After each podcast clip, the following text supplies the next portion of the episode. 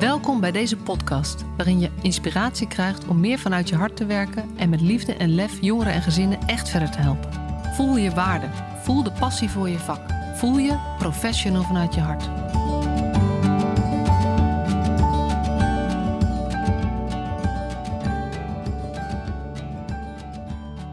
Superleuk dat je weer luistert naar een nieuwe aflevering van de Professional vanuit je hart podcast. En het is de zomerperiode. Dus ehm, ik uh, kies ervoor om even solo podcasts te maken. Want ik vind het zo jammer als uh, een uh, podcast die ik opgenomen heb met een gast um, in de vakantieperiode um, niet gezien wordt door allerlei mensen die lekker met andere dingen bezig zijn dan naar deze podcast luisteren. Op vakantie zijn of zo. Of lekker thuis aan het rommelen en even hun hoofd leeg willen maken en los van werk willen zijn. en nou zat ik zo eens te denken waar waar wil ik het dan met jullie vandaag over hebben? Met jou vandaag over hebben als luisteraar. Um, en toen dacht ik aan een plaatje wat ik een tijd geleden uh, tegenkwam. En ik heb het ook eventjes opgezocht. Wat gaat over triggers.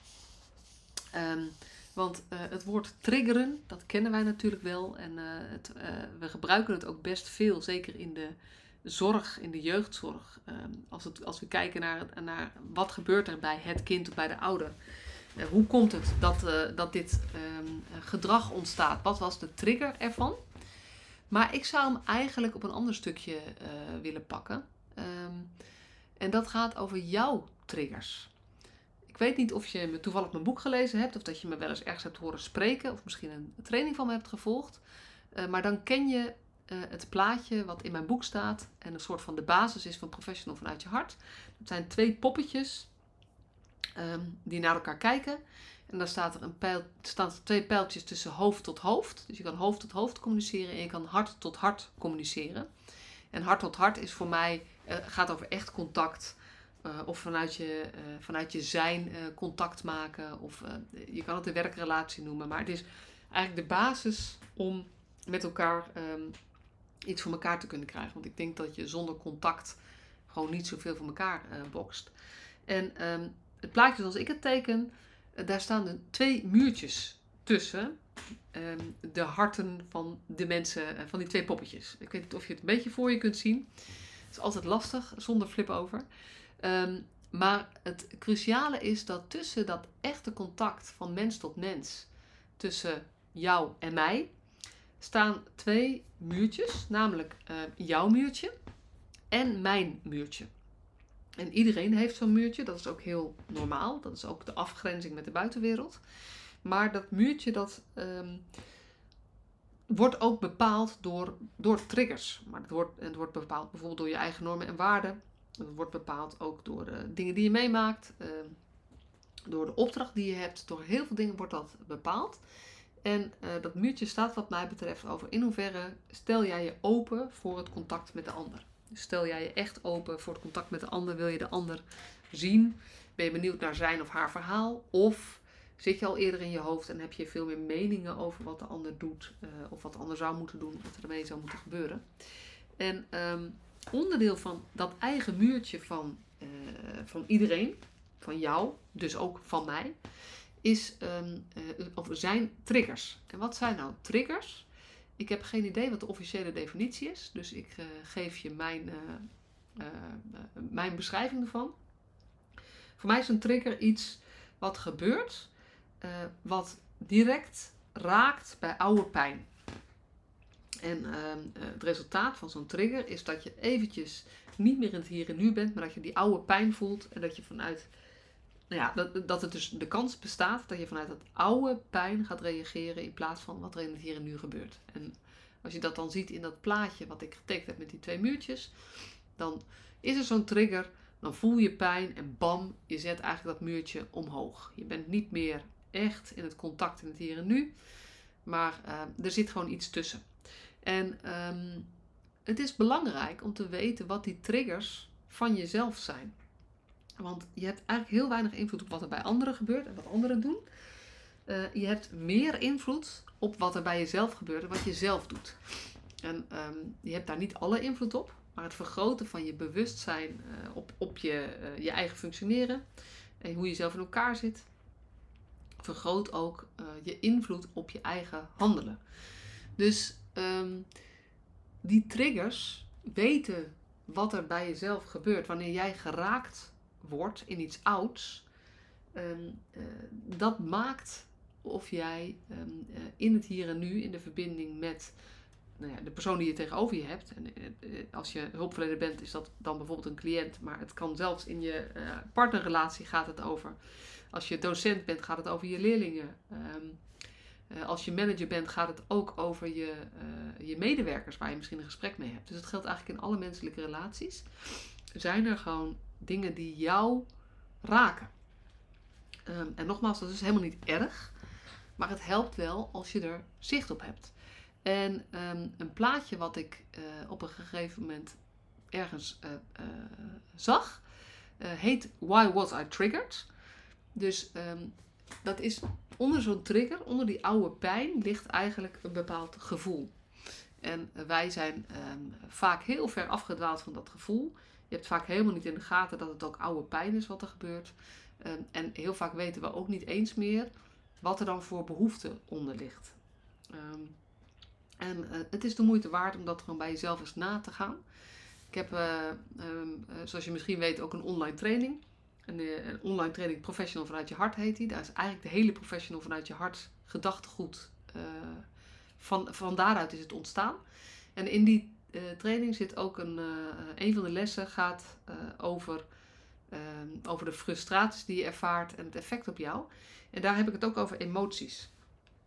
We hebben natuurlijk maar vier basisemoties: bang, blij, boos en verdrietig. Um, maar er zijn heel veel afgeleide gevoelens die een samenstelling zijn van die emoties en waar we eigenlijk een beetje van in de war raken wat, wat we nou eigenlijk precies voelen. En um, die triggers gaan heel vaak over die, uh, die oude gevoelens, die meer gemixte gevoelens. Um, en uh, bij de opleiding professionele ontwikkeling die ik gedaan heb bij Phoenix, uh, hebben ze het altijd over dat je een eigen favoriete klote gevoel hebt. Um, en favoriet omdat dat gewoon is waar je, als je je rottig voelt, uiteindelijk kom je dan daar terecht. En dat is voor iedereen anders. De een die uh, is bijvoorbeeld snel gefrustreerd. Een ander is, voelt zich alleen. Iemand anders voelt zich misschien wanhopig. Iemand anders voelt zich genegeerd. Het is belangrijk om te weten wat dat bij jou is. Want zolang je daar niet zoveel bewustzijn op hebt, zul je onbewust zelf acties doen of reacties geven die vervolgens weer zorgen dat je dat gevoel versterkt. Een beetje kort door de bocht, maar die triggers is eigenlijk op zoek gaan naar je eigen triggers en erachter komen wat die betekenen. Dat is één van de manieren om je vakmanschap, uh, als het gaat over professionele communicatie, te vergroten. Nou, wat zijn dan een aantal triggers of wat zijn een aantal gevoelens die je kunt hebben waardoor je jezelf afsluit, waardoor je je muurtje omhoog uh, zet? Dat kan bijvoorbeeld zijn dat je je genegeerd voelt. Het is voor ons mensen heel pijnlijk om uh, het, het, gevoel te hebben dat we er niet toe doen. Dus zodra jij het gevoel hebt dat je genegeerd wordt, dan. En dat, en dat is oude pijn, dat, dat heb je dan ooit vroeger ook zelf uh, ervaren. Dan gaat er iets bij je op slot en dan is het moeilijker om echt open te staan voor de ander. En hetzelfde gebeurt als je je gemanipuleerd voelt. Dus um, als jij het gevoel hebt dat de ander iets zegt of doet zodat jij. Dus als je het gevoel hebt dat de ander jou wil sturen um, in zijn eigen belang of de kant op die hij wil, maar wat niet per se jouw kant op is, dan ga je uit contact. Dan gaat die muur omhoog. Um, dan gebeurt ook op het moment dat je het gevoel hebt dat de ander over jou wil bepalen, je wil controleren. Um, en dat is natuurlijk het hele gekke als je kijkt naar, naar uh, de dynamiek die er gebeurt binnen, binnen uh, onze sectoren. En, en, neem dan maar even de jeugdbescherming als voorbeeld. Omdat het daar um, zo pijnlijk duidelijk wordt. Uh, op het moment dat er, um, dat er zorgen zijn over de kinderen, er komt jeugdbescherming. De, en de jeugdbeschermer gaat bijvoorbeeld ook de regels, afspraken maken met wat ouders wel en niet kunnen of mogen doen. Wat kinderen wel en niet kunnen of mogen doen. Op het moment dat dat gebeurt en die zelfregie wordt afgenomen, dus het wordt, je, wordt, je wordt gecontroleerd, je wordt, je, je wordt gestuurd, dan ga je bijna automatisch in de weerstand. Dus dat is ook het ontzettend moeilijke aan het vak van jeugdbeschermer. En daarom is zeg maar, dit hele thema, eh, als het gaat over, over triggers herkennen bij jezelf, ehm, kan ook helpen in je, in je vak eh, en in de dynamiek en in de gesprekken die je hebt, bijvoorbeeld als jeugdbeschermer of als bemoeizorger of als ehm, eh, docent bij een lastige klas of, of noem maar even iets. Ehm, als jij het gevoel hebt dat een ander wil bepalen wat jij doet, dan ga je uit contact. Stel je me even voor, niet jij, dat jij de hulpverlener bent, maar dat jouw baas, jouw leidinggevende, ehm, eh, iedere dag gaat kijken wat jij hebt gedaan in je agenda en daar iets van vindt en dat, vervolgens gaat bijsturen, dan, dan, dan wordt de relatie met die persoon niet beter. Want het doet iets met je. Jij gaat uit contact. Daar kan je niet zoveel aan doen. Dat gebeurt op het moment dat jij je gecontroleerd of uh, gestuurd voelt. En is het heel erg moeilijk om in contact te blijven. Natuurlijk gaat het ook over de ander. Maar dat is niet het topic van deze podcast. Op het moment dat jij een controlerende baas hebt, zou ik heel graag met die baas in gesprek willen over het effect van dat controleren op zijn medewerkers. Of dat is wat hij echt wil. Maar nu heb ik even het gesprek met jou. Als je te maken hebt met zo'n controlerende baas, wat gebeurt er dan bij jou? Wat is jouw. Uh, het gaat er niet over schuld, maar wat is jouw aandeel? Wat gebeurt er bij jou? Dus wat ook, ook in de dynamiek die vervolgens ontstaat en in, in stand gehouden wordt. Ehm, er gebeurt ook iets met mensen op het moment dat je je beschuldigd voelt. Als jij het idee hebt dat iemand jou ergens van beschuldigt, um, dan is het heel moeilijk om nog eerlijk te blijven kijken naar hé, wat is hier eigenlijk gebeurd. Als de beschuldiging al op tafel ligt, ga je in de verdediging. Behalve als je heel veel bewustzijn erop hebt en denkt: oh verrek, wat gebeurt hier eigenlijk? Ah. Maar de meeste mensen, als je beschuldigd wordt, dan ga je zeggen: oh, nou, zo had ik het niet bedoeld. Dit was niet, zo is het niet precies gegaan. Dan ga je bijvoorbeeld heel erg op details letten. Ehm, terwijl de intentie van de ander om dat te noemen niet altijd is jou te beschuldigen, maar omdat er gewoon iets misgegaan is. Ja, fouten maken gebeurt. Dus um, daar zitten aannames onder of je fouten mag maken, bijvoorbeeld. Of je zelf vindt dat je fouten mag maken. Want als jij het zelf heel, zeg maar, nogal perfectionistisch aangelegd bent. En um, uh, je, uh, er gaat iets mis doordat jij iets onhandig gedaan hebt. En je merkt dat ik het woord fout vermijd, iets fout gedaan hebt. En daar zegt iemand iets over. Dan is dat heel pijnlijk. Is dat heel lastig. En op dat moment ga jij uit contact. Dan word je geraakt ergens. Dan ga je eventjes uit contact. En dan moet je opnieuw kiezen om uh, je weer open te stellen voor de ander.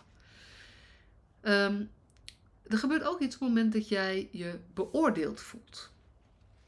Ik weet niet of je wel eens meegemaakt hebt dat je, uh, ja, iedereen heeft dat denk ik, die luistert wel eens meegemaakt, bij een uh, sollicitatiegesprek of bij een, uh, een spannend gesprek met, ehm, weet ik veel, op de school van je kinderen of als je een keer op een podium gestaan hebt, dan heb je dat ook, dat heb ik natuurlijk best vaak, waar anderen naar jou kijken, of je het gevoel hebt dat anderen naar je kijken en een mening over je hebben. Um, dat zijn de momenten waarop je vaak niet zo goed uit je woorden komt. Uh, dat je uh, niet de sterkste versie van jezelf bent. En je achteraf soms denkt, oh had ik maar, nou, een heel lijstje. Dus op het moment dat jij je beoordeeld voelt, is het veel moeilijker om bij jezelf te blijven. En in contact te blijven met de ander. Omdat je naar je hoofd schiet en heel erg gaat denken wat je moet gaan doen. Maar zodra je gaat denken, is het al lastiger om uit te reiken. Dus je beoordeeld voelen helpt niet. Dus dat is ook weer zo'n trigger. Um, nog een andere trigger is je niet gesteund voelen. Unsupported.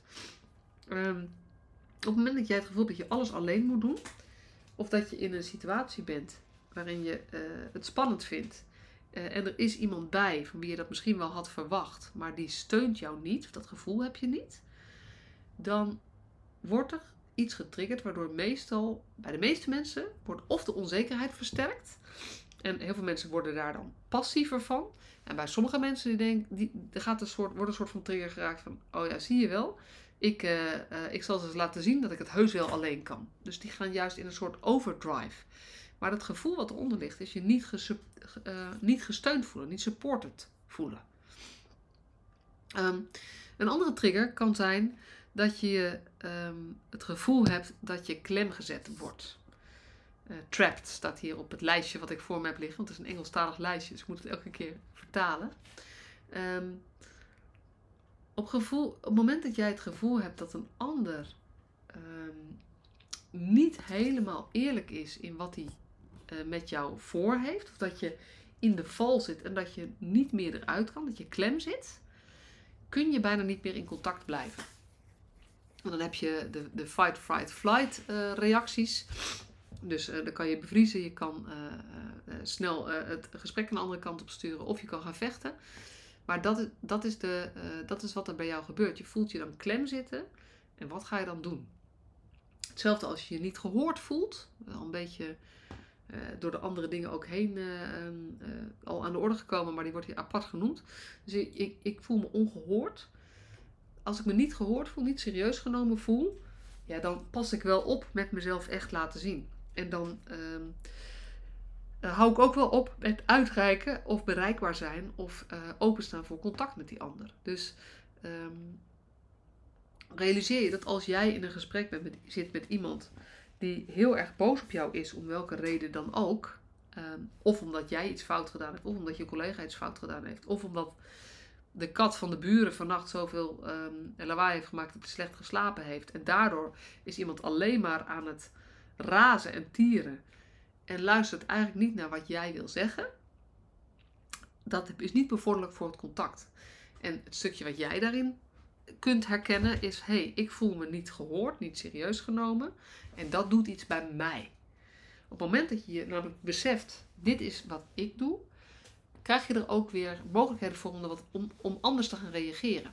Dus bewustzijn vergroten helpt om een andere reactie te gaan geven dan je, je guts, je, je intuïtie, je, ja, dat zijn je gevoel je ingeeft. Dat je in plaats van vanuit de, oude, uh, de oude pijn van niet serieus genomen voelen, dat je eigenlijk gewoon uitspreekt: hé uh, hey joh, jij zit zo vol met het verhaal, maar ik heb ook iets belangrijks te vertellen en ik wil graag dat je even luistert. Kan dat? Bewijs van spreken. Zonder oordeel natuurlijk, want anders krijgen we allemaal triggers weer bij die ander.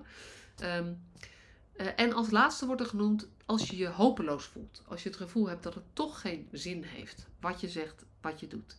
Of dat je niet weet, uh, dat gevoel hebt dat het niet opgelost kan worden.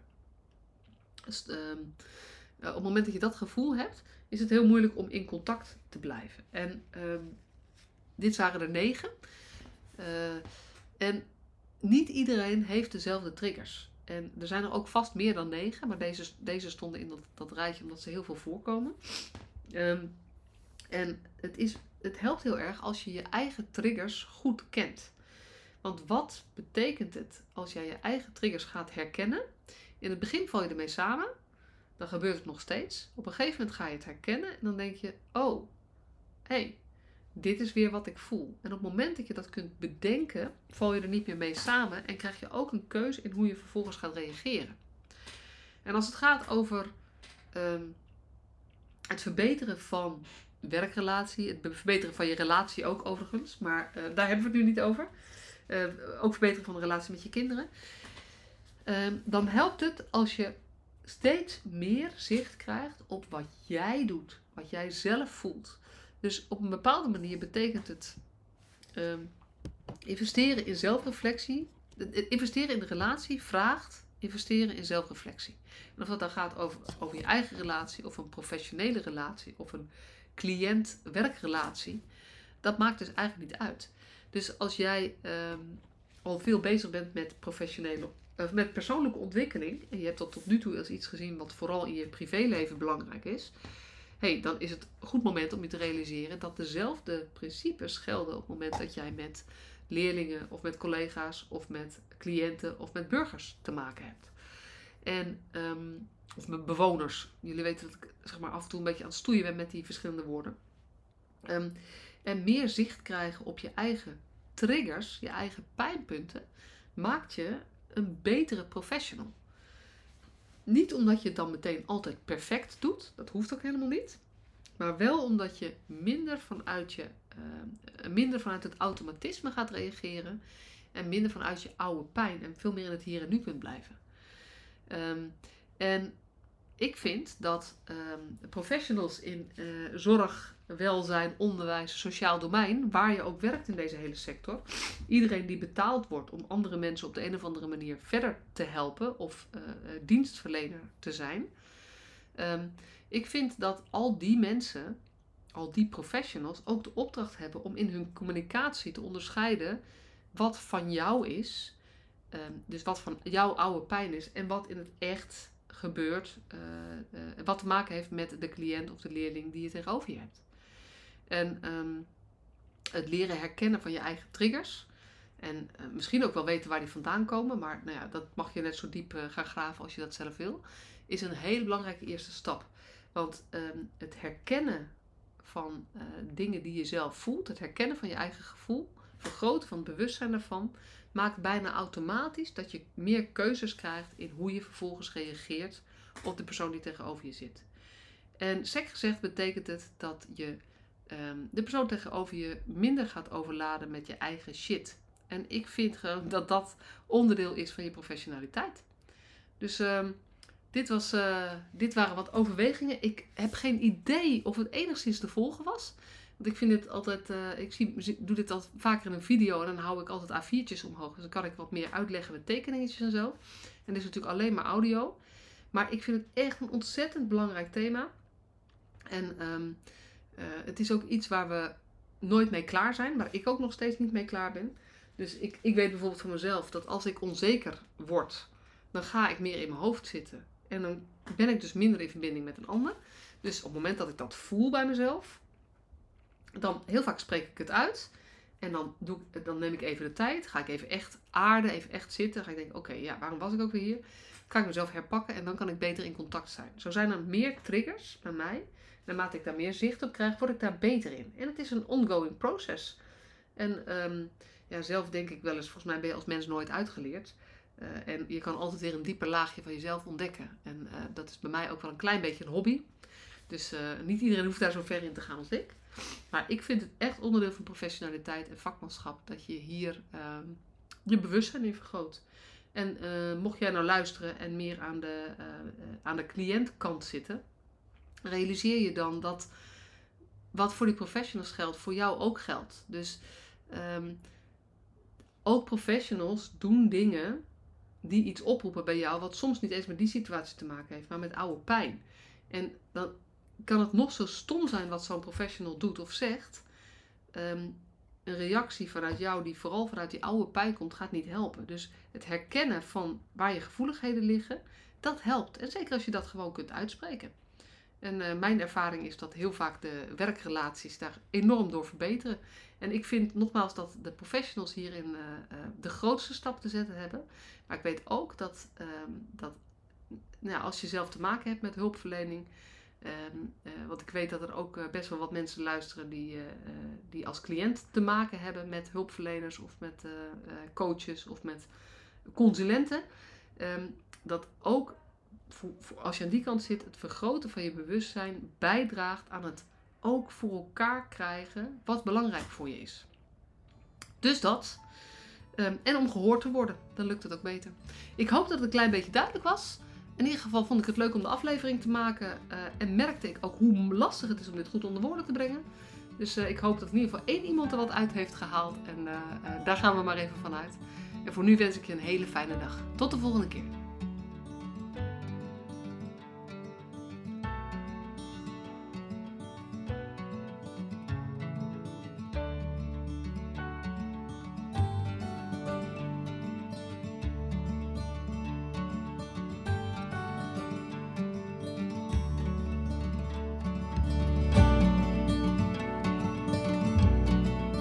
Superleuk dat je weer luisterde naar deze podcast. Dankjewel. Nog even kort een paar belangrijke dingen. Ten eerste, het is mijn missie dat de jeugdhulp weer een sector wordt waarin bevlogen, liefdevolle professionals jongeren en gezinnen echt verder helpen. Daarom maak ik deze podcast voor jou. Wil jij deel uitmaken van deze beweging van Professional vanuit je hart, waarin professionals elkaar steeds opnieuw inspireren? Begin dan met het lezen van mijn boek. Je kunt de eerste hoofdstukken helemaal gratis lezen. Ga naar professionalvanuitjehart.nl slash boek.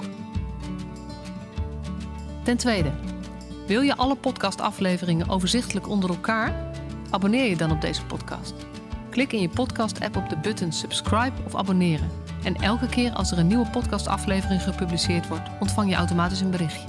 Ten derde, ondersteun je mijn missie? Geef me dan een review via je podcast-app, bijvoorbeeld iTunes of Spotify. Op die manier kan ik nog meer professionals bereiken.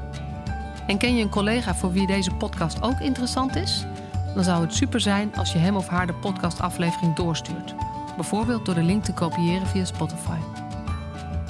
Ik vind het altijd heel leuk om berichtjes te ontvangen van luisteraars om te horen wat je van een podcast vindt, of als je misschien vragen of suggesties hebt. Of als een aflevering je een bepaald inzicht heeft gegeven of er iets in beweging is gekomen. Stuur me dan even een berichtje op masha.professionalvanuitjehart.nl via de website of stuur me een connectieverzoek op LinkedIn.